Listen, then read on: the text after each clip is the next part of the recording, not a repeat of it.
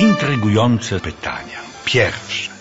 Dlaczego minister propagandy i informacji III Rzeszy, dr Józef Goebbels, zdecydował, że w 1942 roku, w środku wojny, należy zrobić kosztowny film o katastrofie Titanica z 1912 roku.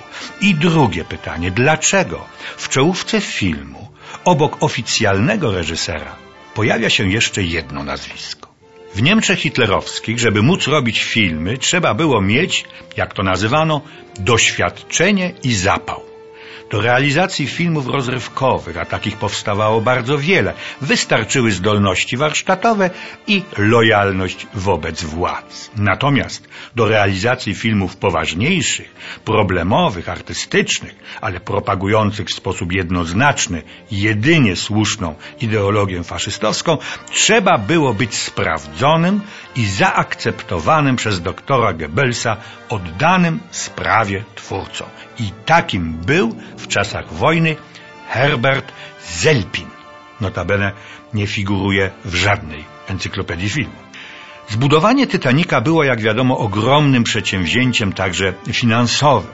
Właściciel linii okrętowej White Star Line, Sir Bruce Ismay, pragnął i żądał, by dziewiczy rejs stał się, jakbyśmy dzisiaj powiedzieli, super wydarzeniem medialnym, by Titanic zdobył błękitną wstęgę, czyli pobił rekord przepłynięcia Atlantyku.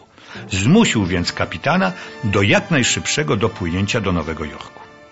Przed kapitanem, kiedy pojawiły się góry lodowe, stanął jakże trudny dylemat. Czy wykonać polecenie Ismaja i ryzykować życie pasażerów, czy też sprzeciwić się, narażając na szykany? Wiemy, jaką decyzję podjął i jakie miała ona konsekwencje. W niemieckim filmie pierwszy oficer, Niemiec, ratuje nierozsądnego, a właściwie zbrodniczego Sir Ismaja po to, by oskarżyć go przed sądem o spowodowanie tragicznej katastrofy. Co się jednak dzieje? Stronniczy i przekupny angielski zespół sędziowski uniewinnia właściciela White Star Line, natomiast skazuje rzekomo pijanego kapitana statku. Wymowa filmu jest jasna jak słońce. W przeciwieństwie do Niemców, Anglicy to bezwzględni i nieludzcy szubrawcy dążący do jak największych zysków, nawet za cenę ludzkiego życia.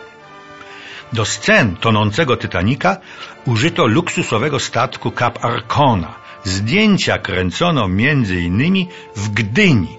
I tu doszło do konfliktu między reżyserem filmu a jego asystentem.